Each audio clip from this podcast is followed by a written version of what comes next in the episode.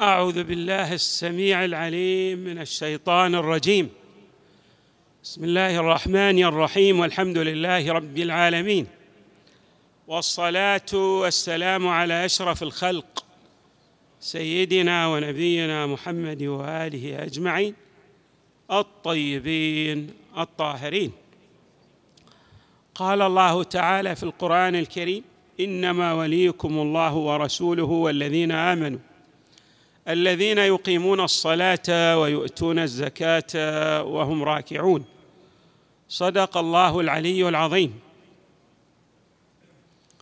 النبي صلى الله عليه وآله الطاهرين وردت عنه أحاديث كثيرة يؤكد فيها على خلافة أمير المؤمنين عليه السلام.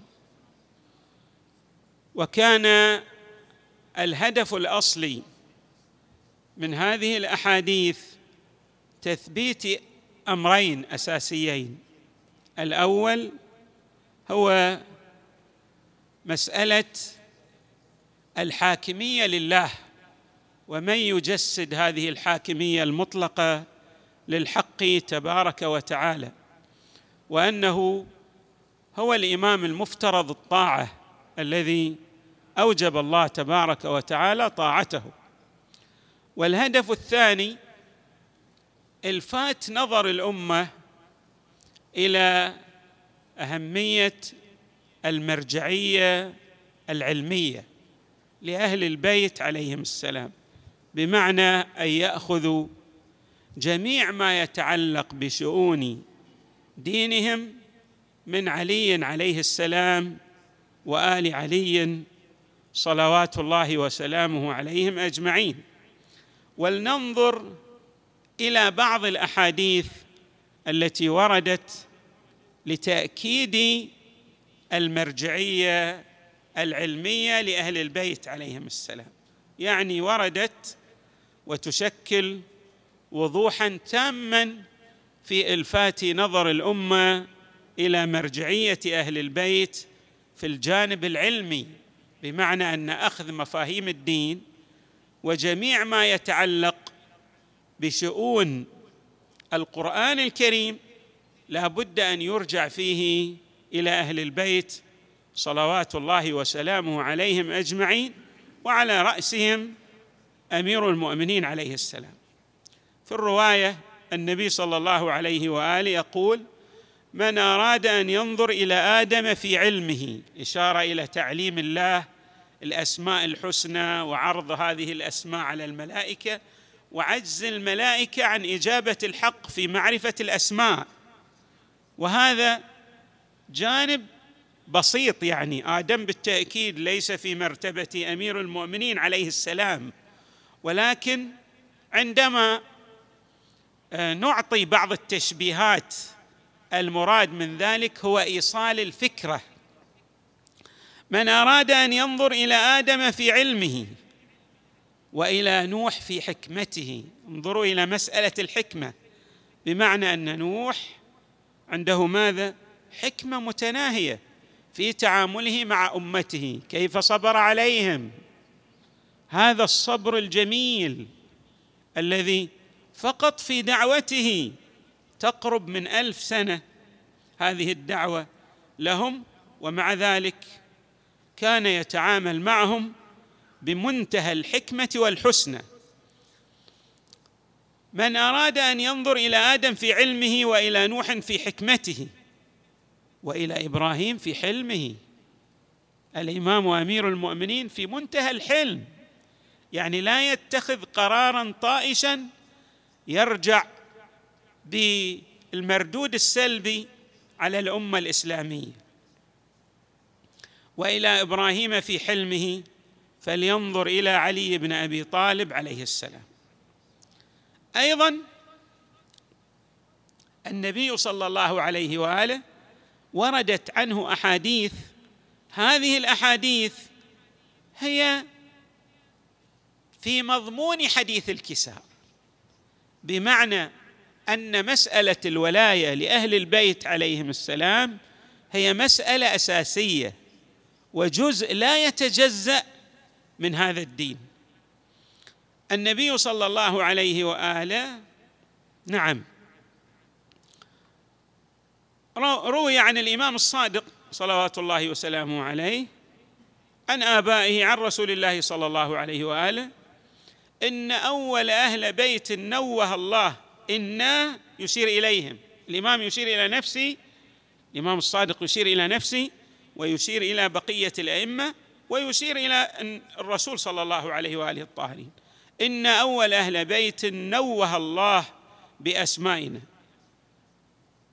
أنه لما خلق الله السماوات والأرض أمر مناديا فنادى أشهد أن لا إله إلا الله ثلاثا. أشهد أن محمدا رسول الله صلى الله عليه وآله ثلاثا. أشهد أن عليا أمير المؤمنين. حقا ثلاث مرات أيضا.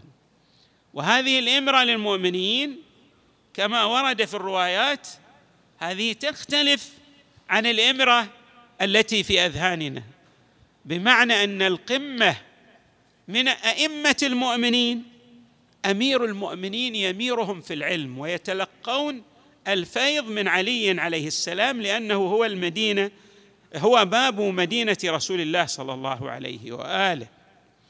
ولذلك ورد في بعض الروايات أنه لا يصح إطلاق أمير المؤمنين على بقية الأئمة عليهم السلام وإنما فقط وفقط يطلق على الإمام أمير المؤمنين وحده. أيضا ورد في روايات معتبرة أن عليا عليه السلام هو خير البشر بعد رسول الله صلى الله عليه وآله الطاهرين.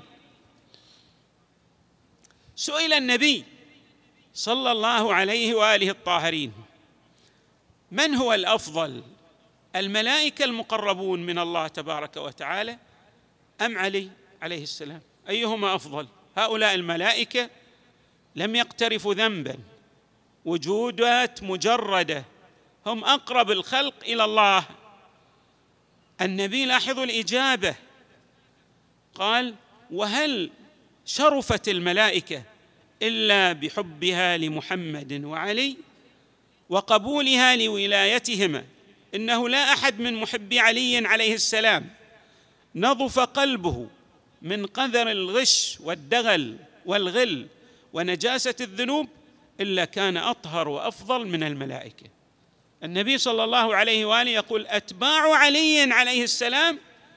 الله فضلهم على الملائكة إذا طهروا أنفسهم. فما بالك بعلي عليه السلام؟ وأيضا ورد في الرواية للإشارة إلى ذلك. وهذا فيه إشارة إلى جنبتين إلى جنبة الحاكمية وإلى جنبة المرجعية العلمية لأهل البيت. يقول النبي صلى الله عليه وآله لو اجتمع الناس على حب علي بن أبي طالب عليه السلام لما خلق الله عز وجل النار. كل الناس يذهبون إلى جنات النعيم. أيضا روي عنه صلى الله عليه وآله في هذا الصدد. نعم عنوان صحيفة المؤمن يوم القيامة حبه لعلي بن أبي طالب عليه السلام. يعني باصطلاحنا الحديث جواز السفر الدبلوماسي الذي لا يمكن أن يوقفك به أحد وتدخل الجنة بغير حساب هو المحبة لأمير المؤمنين لكن هذه المحبة ليس بمعناها العام وهي الميل القلبي وإنما بالمعنى الخاص وهي المودة لعلي عليه السلام باتباعه وباتباع أهل بيته صلوات الله وسلامه عليهم أجمعين يعني السير على مسارهم الأخذ بالروايات الواردة عنهم الاقتداء بهم في جميع ما ورد عنهم. وليس أن تأخذ من هنا ومن هناك. وتدعي مثلا أن هذا من باب الانفتاح الفكري. الأمر ليس كذلك. لا بد أن تأخذ عن أهل البيت صلوات الله وسلامه عليهم أجمعين. أيضا في الرواية إن الله عز وجل شوفوا هذه الرواية رواية جميلة جدا ورائعة. تبين فضل أمير المؤمنين عليه السلام. إن الله عز وجل يباهي بعلي عليه السلام الملائكة في كل يوم يباهي بعلي الملائكة المقربين. طيب لماذا لا يباهي الله تبارك وتعالى بعلي في يوم واحد فقط؟ يعني يقول في هذا اليوم خلاص باهى به. الملائكة هي عقول مجردة تفقه هذا المعنى.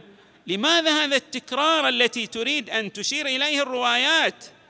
إن الله يباهي بعلي في كل يوم وليس في يوم واحد ليس في برهة زمنية محدودة.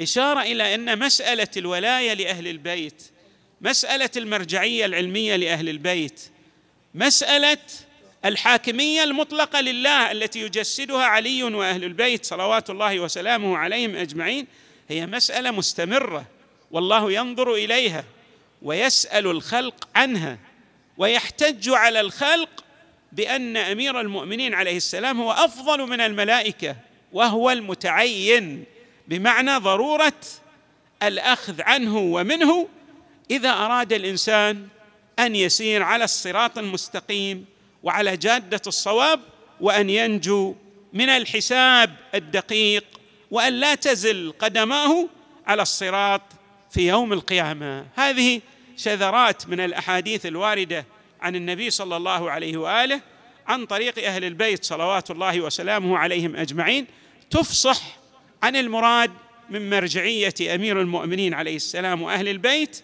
في الجنبتين الحاكمية المطلقة التي يجسدونها يجسدها أمير المؤمنين وابناؤه البرر الميامين وأيضا المرجعية العلمية بضرورة الأخذ عنهم ومنهم في جميع ما يتعلق إلى شؤون الدين. بشؤون الدين. نسأل الله تبارك وتعالى أن يجعلنا مع أمير المؤمنين وأبنائه البررة الميامين في الدنيا والآخرة.